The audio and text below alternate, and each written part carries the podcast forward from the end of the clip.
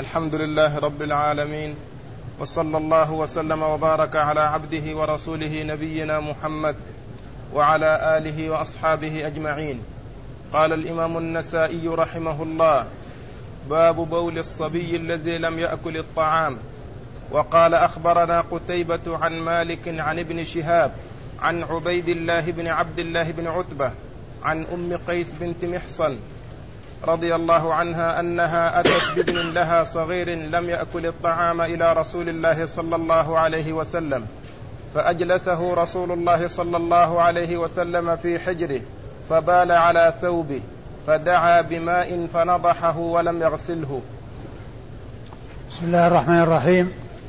الحمد لله رب العالمين وصلى الله وسلم وبارك على عبده ورسوله نبينا محمد وعلى آله وأصحابه أجمعين أما بعد. يقول النسائي رحمه الله باب بول الغلام الذي لم يأكل الطعام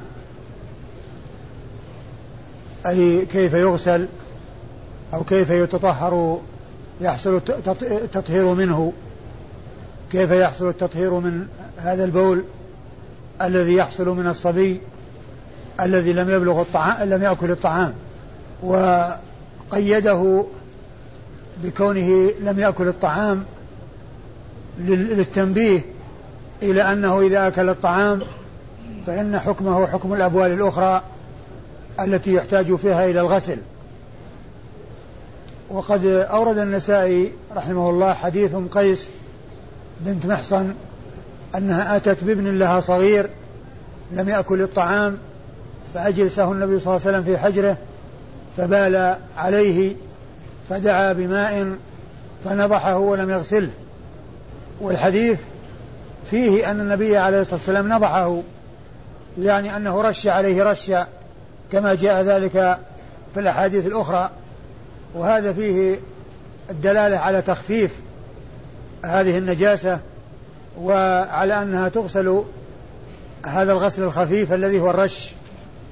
يعني دون أن تغسل ودون أن يحصل آه، فركها وغسلها وإنما يكون برشها الرش على ذلك البول الذي حصل من الغلام الذي لم يأكل الطعام.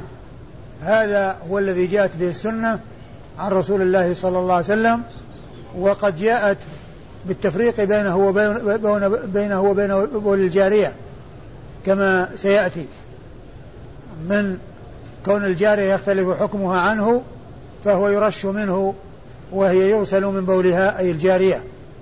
وقوله ولم يغسله تبين أن المقصود من أن أن أن, أن الحكم في التطهر من هذا البول هو برشه وليس بغسله.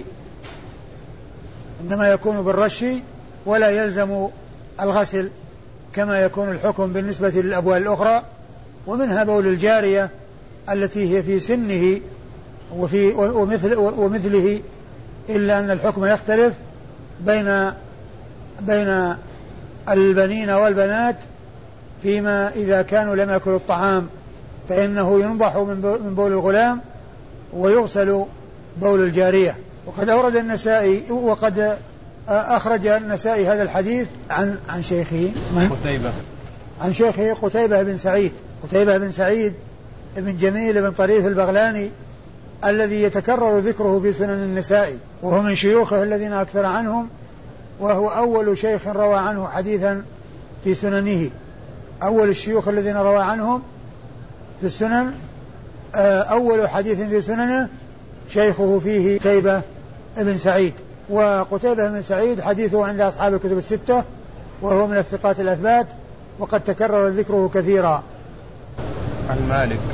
عن مالك بن أنس إمام دار الهجرة الإمام المحدث الفقيه صاحب المذهب المشهور وهو علم من الأعلام وحديثه عند أصحاب الكتب الستة. عن ابن شهاب. عن ابن شهاب وهو محمد بن مسلم بن عبيد الله بن عبد الله ابن شهاب ابن عبد الله بن الحارث بن زهرة بن كلاب. وهو إمام محدث فقيه كثير الرواية من حديث في حديث رسول الله عليه الصلاة والسلام. وهو أول من قام بجمع السنة وتدوينها بتكليف من الخليفة عمر عمر بن عبد العزيز رحمة الله عليه. وهو ثقة إمام حديثه عند أصحاب الكتب الستة. عن عبيد الله بن عبد الله عن عبيد الله بن عبد الله بن عتبة بن مسعود وهو ثقة آه فقيه حديثه عند أصحاب الكتب الستة وهو أحد الفقهاء السبعة في المدينة. أحد الفقهاء السبعة في المدينة المشهورين في عصر التابعين. فعبيد الله بن عبد الله بن عتبة بن مسعود هذا هو أحد فقهاء المدينة السبعة المشهورين في عصر التابعين وحديثه عند أصحاب الكتب الستة.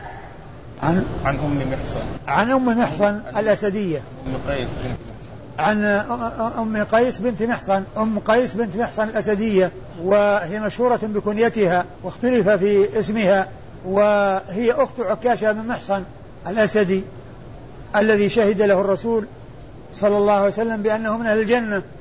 في حديث السبعين ألفا الذين يدخلون الجنة بغير حساب ولا عذاب فقام عكاشة بن محصن فقال ادعو الله أن يجعلني منهم. فقال أنت منهم. ثم قام رجل آخر فقال ادعو الله يجعلني منهم. قال سبقك بها عكاشة. فأم, محص فأم قيس هذه هي أخت عكاشة بن محصن وهي آه، صحابية حديثها عند أصحاب الكتب الستة. قال أخبرنا قتيبة عن مالك عن هشام بن عروة عن أبيه عن عائشة رضي الله عنها أنها قالت أتي رسول الله صلى الله عليه وسلم بصبي فبال عليه فدعا بماء فأتبعه إياه. ثم أورد النسائي حديث عائشة بمعنى حديث أم مح... أم قيس بنت محصن وأن النبي عليه الصلاة والسلام أتي بصبي ف أتي بصبي فبال عليه. فبال عليه أي على النبي عليه الصلاة والسلام. بال عليه أي على النبي عليه الصلاة والسلام فدعا بماء فأتبعه إياه. يعني رشه عليه. رشه عليه وصبه عليه دون أن يغسله. وإنما اكتفى بالرش.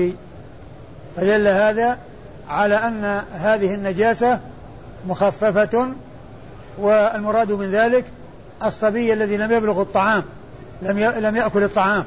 كما جاء ذلك مبينا في حديث أم قيس بنت محصن السابق أنها أتت بابن لها صغير لم يأكل الطعام.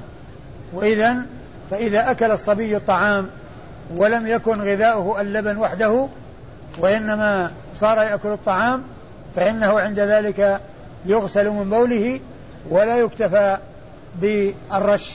وإسناد الحديث يقول النسائي أخبرنا قتيبة وهو الذي مر في الإسناد السابق قبل هذا. عن مالك؟ نعم. ومالك أيضا مر في الإسناد الذي قبل هذا. عن عن هشام عن هشام؟ بن عروة بن الزبير بن العوام وهو ثقة خرج حديثه وأصحاب الكتب الستة.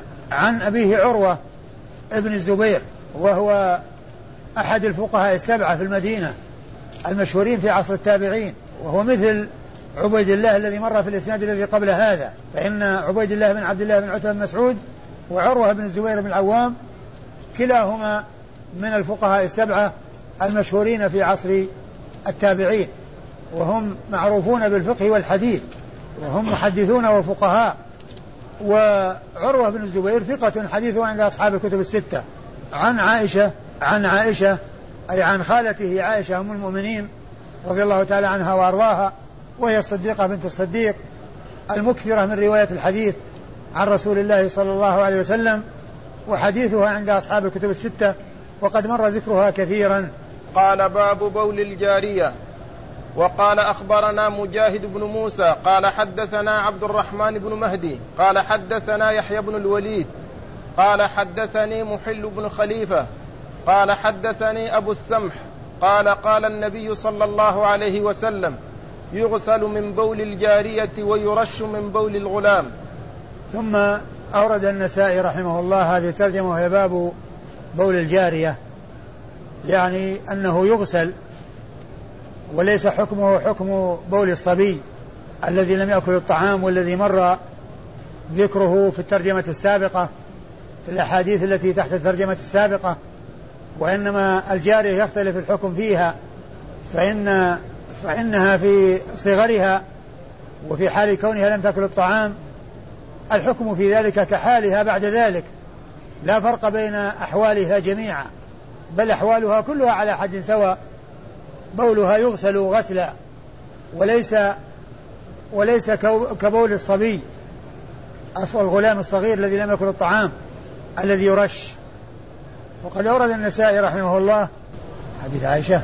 هذا السمح حديث أبي السمح خادم رسول الله صلى الله عليه وسلم أنه قال يغسل من بول الجارية ويرش ويرش؟ نعم.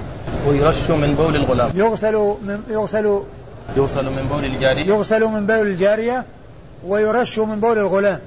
يعني يغسل الثوب أو الشيء الذي يقع عليه بول الجارية ويرش من بول الغلام.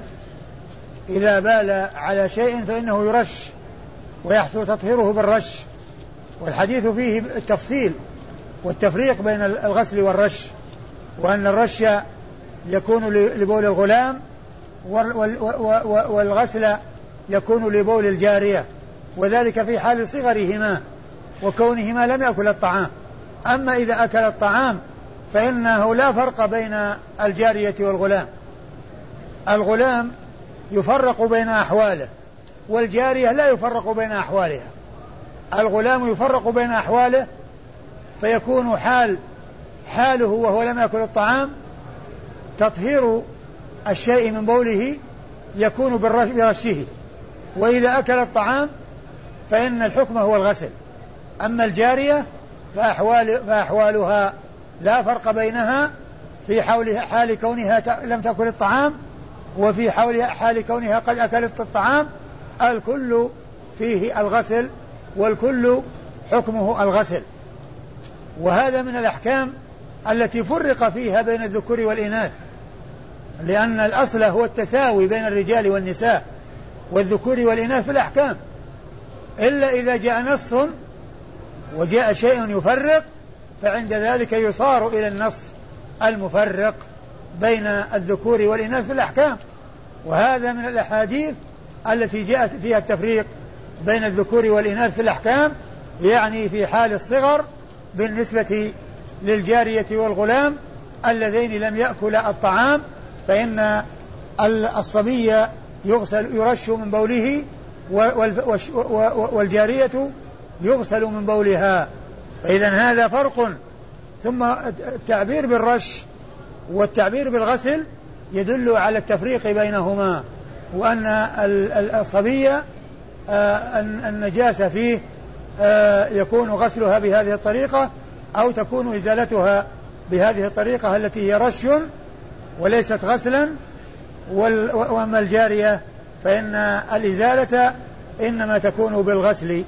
وقد علل العلماء يعني للتفريق بين الذكور والإناث.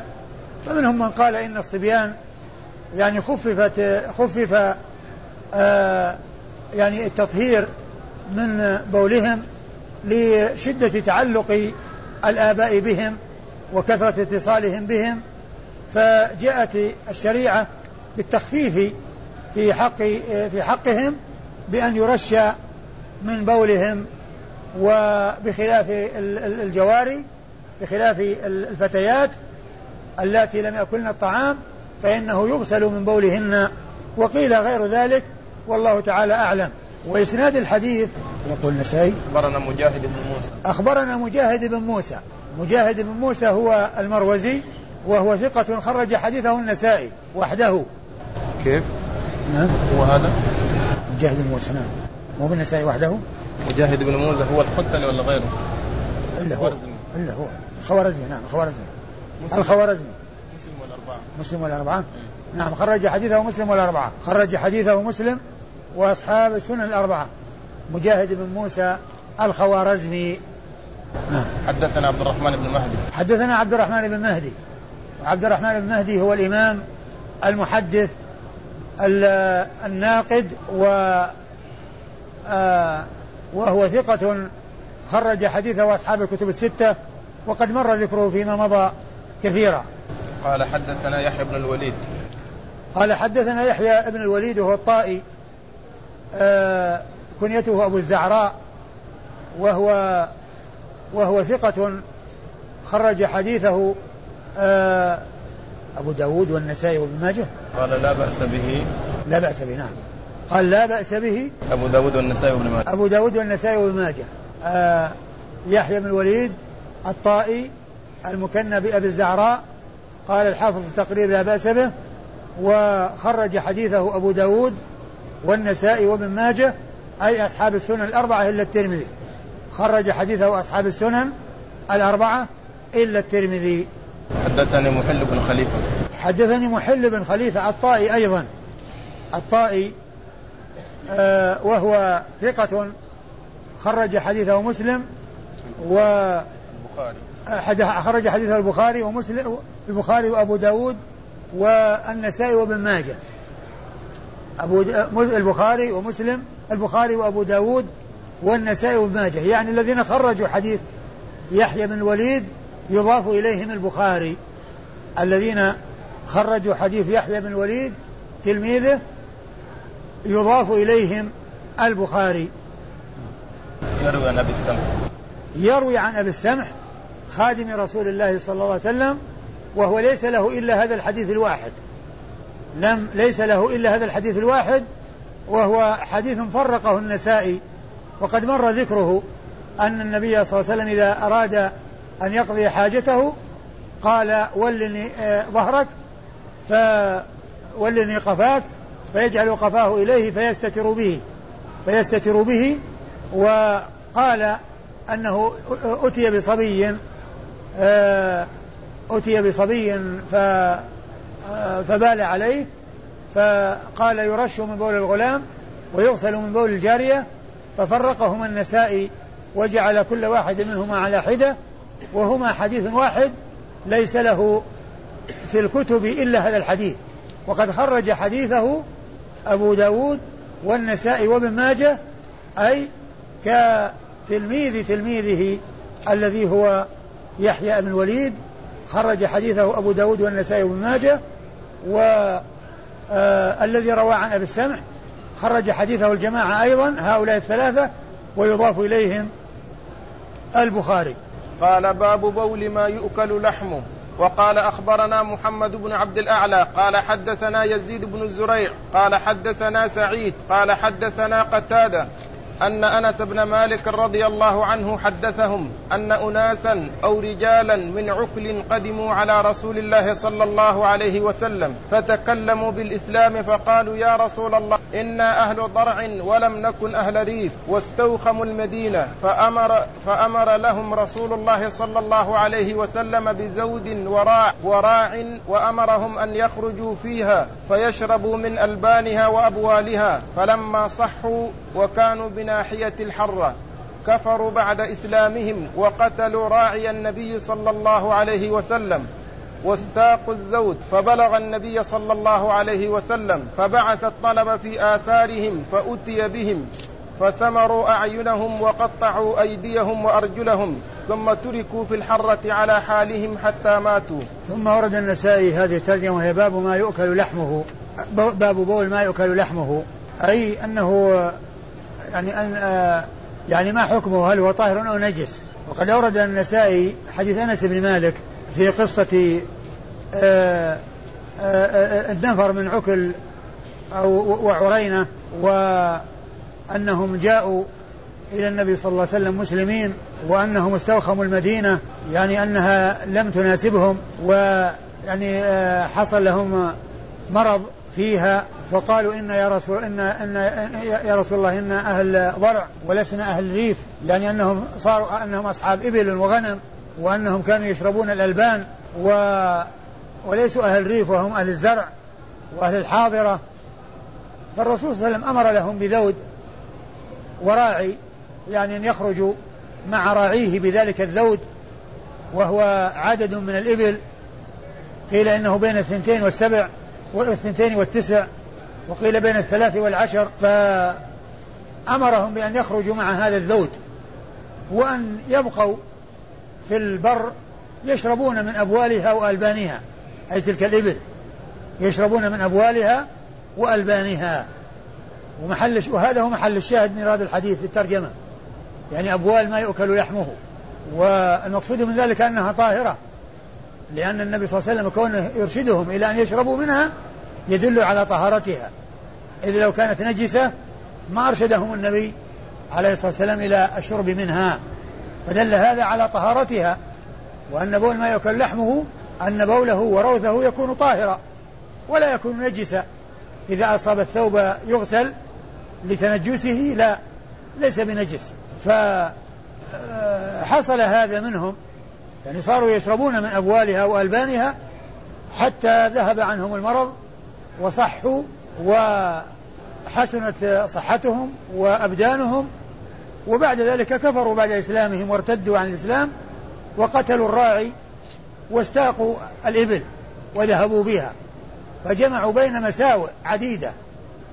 أولا كونهم قابلوا الإحسان بالإساءة وكونهم كفروا النعمة وكونهم قتلوا الراعي وكونهم نهبوا وأخذوا هذا الذود الذي آه، أذن لهم أن يشربوا من, يشربوا من أبواله وألبانه. فبلغ ذلك النبي عليه الصلاة والسلام فأرسل الطلبة في على أثرهم يعني الطالبين لهم الذين يطلبونهم حتى يظفروا بهم. فظفر بهم وأتي بهم إلى النبي صلى الله عليه وسلم فقتلوا و فقطعت آه، فسمرت عيونهم وقطعت أنوفهم و قطعت أيديهم. وإيش؟ وقطعت أيديهم وأرجلهم. وقطعت أيديهم وأرجلهم وجدعت أنوفهم وألقوا في الحرة يستسقون فلا يسقون حتى ماتوا على هذه الحال. السبب في هذا أنهم عوملوا بما عاملوا به الراعي لأنهم كفروا وقتلوا ومثلوا فحصل لهم أن عوملوا بمثل ما عاملوا غيرهم به. وهذا يدل على أن القتل يكون بالقصاص وأنه يكون بمثل ما يحصل به القتل. فإذا قتل إنسان بمثل هذا هذا القتل الشنيع والقتل السيء الذي فيه تمثيل فإنه يعامل القاتل عند تنفيذ القصاص بمثل ما عامل به غيره. بمثل ما عامل به غيره. وإذا فهؤلاء ارتدوا عن الإسلام وحصل منهم القتل وحصل منهم التمثيل بالراعي فقتلوا أو حصل قتلهم بهذه الطريقة التي جاء بيانها في هذا الحديث عن رسول الله صلوات الله وسلامه وبركاته عليه. والمقصود من إيراد الحديث أنهم أن الرسول أمرهم بأن يشربوا من الأبوال والألبان. والأبوال يعني شربهم منها يدل على طهارتها وأنها ليست نجسة. وهذا الحكم يشمل كل ما كان كل ما كان مأكول اللحم. لا يختص بالإبل بل كل ما كان مأكول اللحم فإن روثه وبوله طاهر. ومن أدلة ذلك أن النبي عليه الصلاة والسلام دخل المسجد الحرام على بعير يطوف عليه وهو راكب إياه ويستلم الركن بمحجن. ومن المعلوم أن إدخال البعير في المسجد فيه تعريض له لأن يبول وأن يحصل منه الروث وذلك دال على طهارته.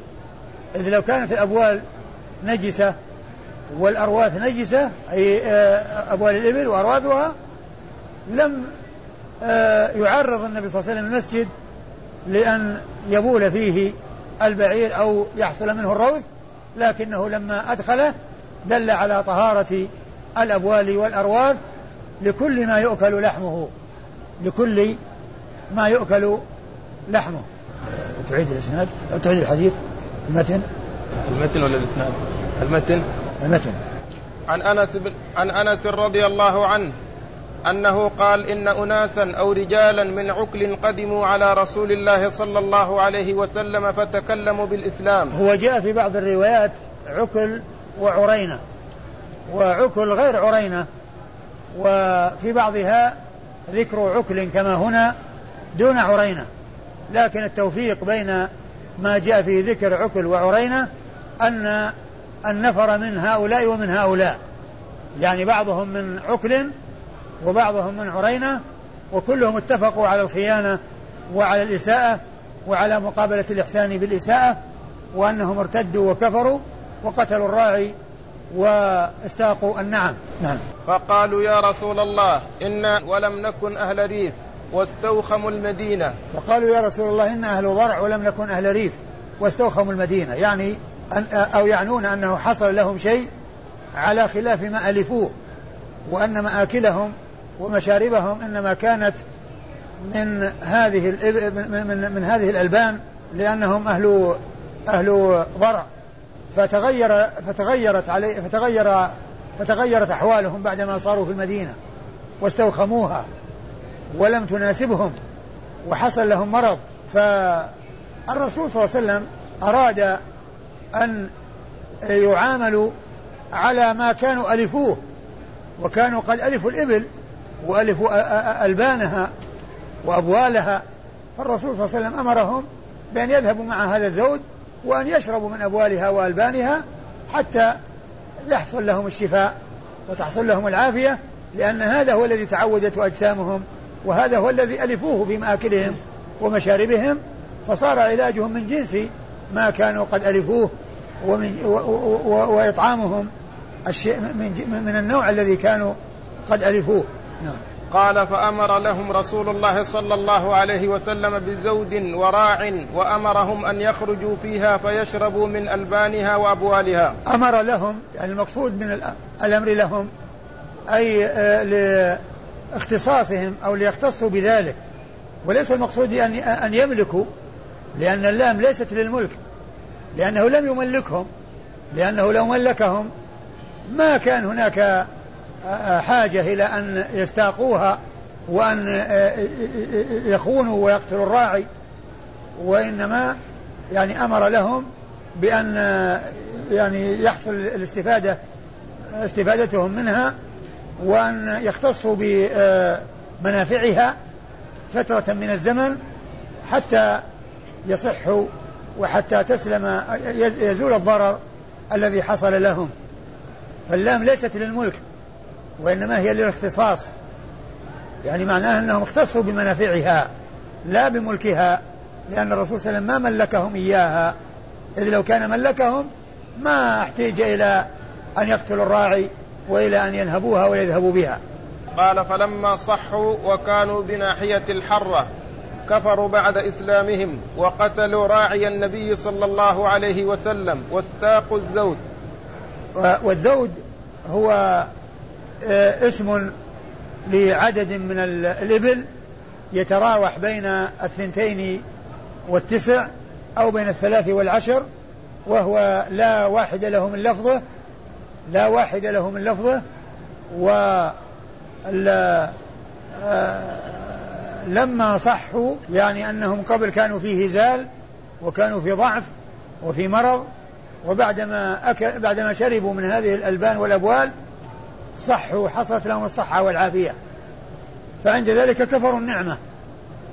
وقتلوا الراعي واستاقوا النعم. يعني ساقوها وهربوا بها. أيوة. قال فبلغ النبي صلى الله عليه وسلم فبعث الطلب في آثارهم فأتي بهم فسمروا أعينهم وقطعوا أيديهم وأرجلهم ثم تركوا في الحرة على حالهم حتى ماتوا. ثم آه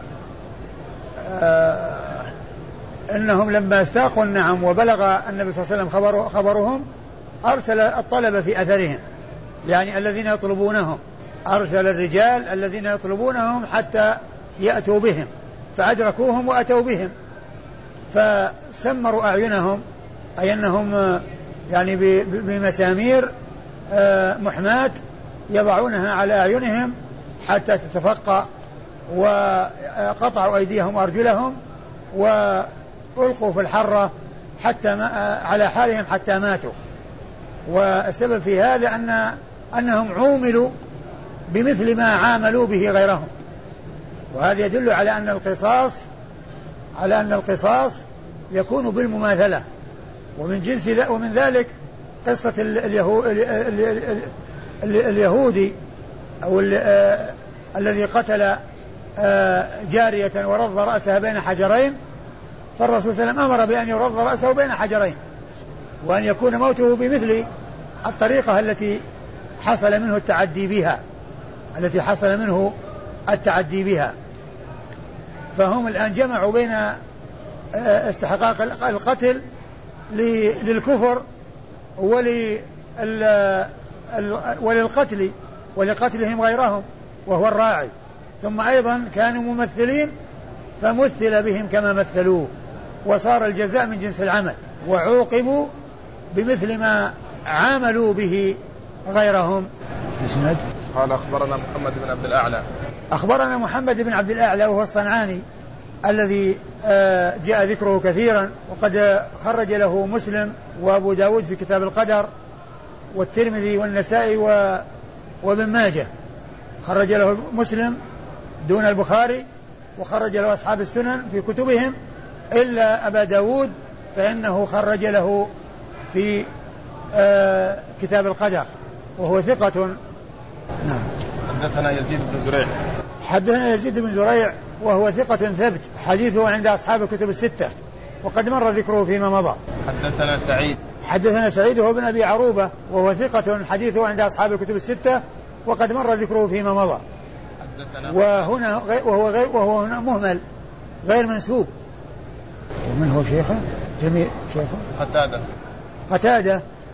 يعني ذكر في ترجمة قتادة أنه آه، يزيد بن زريع أن أن يعني أن سعيد بن أبي عروبة أنه روى روى عن قتادة. وهو ثقة حديثه عند أصحاب الكتب الستة. عن قتادة هو بن دعامة السدوسي وهو ثقة حديثه عند أصحاب الكتب الستة وقد مر ذكره أيضا فيما مضى. يروي عن أنس. عن أنس. وأنس هو خادم رسول الله عليه الصلاة والسلام.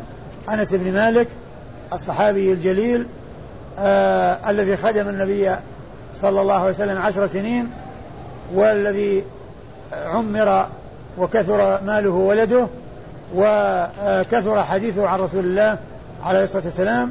فهو أحد السبعة المكثرين من رواية الحديث عن رسول الله صلى الله عليه وسلم. قال أخبرنا محمد بن وهب قال حدثنا محمد بن سلمة قال حدثني أبو عبد الرحيم قال حدثني زيد بن أبي أنيسة عن طلحة بن مصرف عن يحيى بن سعيد عن أنس بن مالك رضي الله عنه أنه قال قدم أعراب من عرينة إلى النبي صلى الله عليه وسلم فأسلموا فاجتووا المدينة حتى اصفرت ألوانهم وعظمت بطونهم. فبعث بهم رسول الله صلى الله عليه وسلم إلى لقاح له وأمرهم أن يشربوا من ألبانها وأبوالها حتى صحوا فقتلوا راعيها واستاقوا الإبل. فبعث نبي الله صلى الله عليه وسلم في طلبهم فأتي بهم فقطع أيديهم وأرجلهم وسمر أعينهم. قال أمير المؤمنين عبد الملك لأنس وهو يحدثه هذا الحديث بكفر أم بذنب قال بكفر. قال أبو عبد الرحمن لا نعلم أحدا. قال عن يحيى عن أنس في هذا الحديث غير طلحة. والصواب عندي والله تعالى أعلم. يحيى عن سعيد بن المسيب مرسل. ثم ورد النسائي حديث أنس بن مالك من طريق أخرى. وفيه ما في الذي قبله من كونه جماعة من الأعراب وهم من عكل وعرينة. والأعراب هم أهل البادية أهل الضرع. ولهذا في الحديث الذي قبل هذا قالوا إن أهل ضرع. وهنا قال الأعراب. والأعراب هم أهل البادية أهل الضرع وأهل الماشي المواشي الذين يتبعون العشب ويتنقلون من مكان إلى مكان حيث الماء والعشب. فأسلموا ولكنهم اجتووا المدينة أصابهم فيها مرض فاصفرت ألوانهم وكبرت بطونهم بسبب المرض الذي أصابهم. ولما كانوا أهل أهل بادية وأهل إبل وغنم وعادتهم التي اعتادوها في مآكلهم شرب الألبان الرسول أمر لهم بلقاح. يعني بأن وأمرهم بأن يشربوا من أبوالها وألبانها.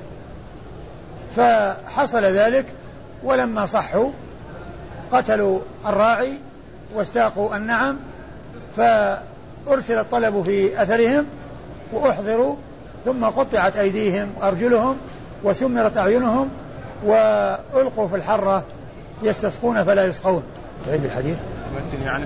الحديث متن إيه؟ عن أنس عن أنس بن مالك رضي الله عنه قال قدم أعراب من عرينة إلى النبي صلى الله عليه وسلم فأسلموا. فاجتووا المد فاجتووا, المد فاجتووا المدينة حتى اصفرت ألوانهم وعظمت بطونهم. اجتووا المدينة يعني لم تناسبهم وأصابهم فيها مرض. ترت آه، نتج عنه اصفرار ألوانهم وانتفاخ بطونهم و آه، أمر النبي صلى الله عليه وسلم أو أرشدهم إلى إلى أن يعالجوا أنفسهم بشرب الأبوال والألبان من هذه الإبل التي التي له عليه الصلاة والسلام في الفلاة وكان ذلك العلاج من جنس ما اعتادوه وألفوه وهو شربهم الألبان والأبوال قبل أن يأتوا. نعم. قال فبعث بهم رسول الله صلى الله عليه وسلم إلى لقاه له وأمرهم أن يشربوا من من ألبانها وأبوالها حتى صحوا. فقتلوا راعيها واستاقوا الإبل. فبعث نبي الله صلى الله عليه وسلم في طلبهم فأتي بهم فقطع أيديهم وأرجلهم وثمر أعينهم. يعني أنه أمر أن يفعل ذلك بهم. يعني أنه أمر بأن يفعل ذلك بهم. وأضيف إليه لأنه بأمره عليه الصلاة والسلام. قال أمير المؤمنين عبد الملك لأنس وهو يحدثه هذا الحديث بكفر أم بالذنب؟ قال بكفر. قال آه قال آه عبد الملك مروان أمير المؤمنين لأنس بن مالك وهو يحدثه بهذا الحديث بكفر أم بذنب أي بذنب دون الكفر. والمقصود من ذلك هل قتلهم الذي حصل لهم بهذه الطريقة كان بالكفر أم بذنب؟ قال بكفر. وقد بين ذلك الحديث الذي قبل هذا. قال كفروا بعد إسلامهم لأن هناك نص على أنهم كفار وأنهم مرتدون وأضافوا إلى الكفر يعني زيادة سوء وزيادة خبث وهي الاعتداء على الراعي وعلى الذود الذي أحسن إليهم به فأخذوا الإبل وقتلوا الراعي ومثلوا به فعوملوا بمثل ما عاملوا به غيرهم. وجوزوا بمثل ما صنعوا بغيرهم جزاء وفاقا. وإسناد الحديث؟ قال أبو عبد الرحمن لا نعلم أحدا قال عن يحيى عن أنس في هذا الحديث غير طلحة والصواب عندي والله تعالى أعلم يحيى عن سعيد بن المسيب مرسل. يقول النسائي قال أبو عبد الرحمن وهو النسائي إنه لا يعلم أحدا روى هذا الحديث يعني بهذا الإسناد إلا يحيى بن سعيد عن آه, آه، عن طلحة. طلحة عن يحيى نعم طلحة عن يحيى. نعم. طلحة يعني ابن مصرف عن يحيى بن سعيد. عن أنس. عن أنس بن مالك. قال والصواب عندي آه أنه يحيى عن سعيد المسيب مرسل يعني أضافه إلى النبي يعني سعيد المسيب أرسله وأضافه إلى النبي عليه الصلاة والسلام. والمرسل وباصطلاح المحدثين ما يقول فيه التابعي قال رسول الله صلى الله عليه وسلم كذا. فهذا هو المرسل في عرف في في, في عرف المحدثين. و وفي عرف الفقهاء أن أنه المنقطع. يعني أي انقطاع وإضافته إلى من فوق من هو شيخ للراوي يقال له مرسل ويأتي عند بعض الرواة أنه يرسل عن فلان ويكون ذلك على هذا الاصطلاح ويستعمله يأتي استعماله عند عند بعض المحدثين. يعني هذا الذي هو اصطلاح الفقهاء في إطلاق المرسل يأتي استعماله عند بعض المحدثين لكن المشهور عندهم أن المرسل هو ما قال فيه التابعي قال رسول الله صلى الله عليه وسلم كذا. هذا هو المرسل. اسناد الحديث؟ أخبرنا محمد بن وهب. أخبرنا محمد بن وهب. وهو الحراني. وهو وهو ثقة خرج حديثه النسائي. صدوق. صدوق. نعم. صدوق خرج حديثه النسائي. وهو صدوق يعني محمد بن وهب. الحراني صدوق خرج حديثه النسائي وحده. قال حدثنا محمد بن سلمة. قال حدثنا محمد بن سلمة. ومحمد بن سلمة هذا هو الباهلي الحراني وهو ثقة خرج حديثه البخاري في جزء القراءة ومسلم وأصحاب السنن الأربعة. وهذا غير محمد بن سلمة المرادي الجملي الذي مر بنا ذكره في شيوخ النساء فيما مضى في مواضع متعددة وهو مصري لأن ذاك مصري وهذا حراني. و و وهذا من طبقة شيوخ شيوخ النسائي. من طبقة شيوخ شيوخ النسائي. لأن النسائي يروي عنه بواسطة. ذاك يروي عنه مباشرة اللي هو المصري والحراني يروي عنه بواسطة. وذاك خرج حديثه مسلم وأبو داود والترمذي والنسائي كما عرفنا ذلك فيما مضى وأما هذا فخرج حديثه البخاري في جزء القراءة ومسلم وأصحاب السنن الأربعة. وهو ثقة خرج حديثه هؤلاء. حدثني أبو عبد الرحيم. يقول حدثني أبو عبد الرحيم. وأبو عبد الرحيم هذا هو خالد بن أبي يزيد الحراني. خالد ابن أبي يزيد الحراني مشهور بكنيته أبو عبد الرحيم. وهو ثقة. خرج حديثه البخاري في الأدب المفرد ومسلم و... وأبو داود والنسائي. وأبو داود والنسائي. خرج حديث البخاري في الأدب المفرد ومسلم وأبو داود والنسائي. وإذا فهؤلاء ثلاثة متوالون كلهم من حراني كلهم حرانيون. محمد بن وهب شيخ النسائي وشيخ شيخه محمد بن سلمة الباهلي الحراني و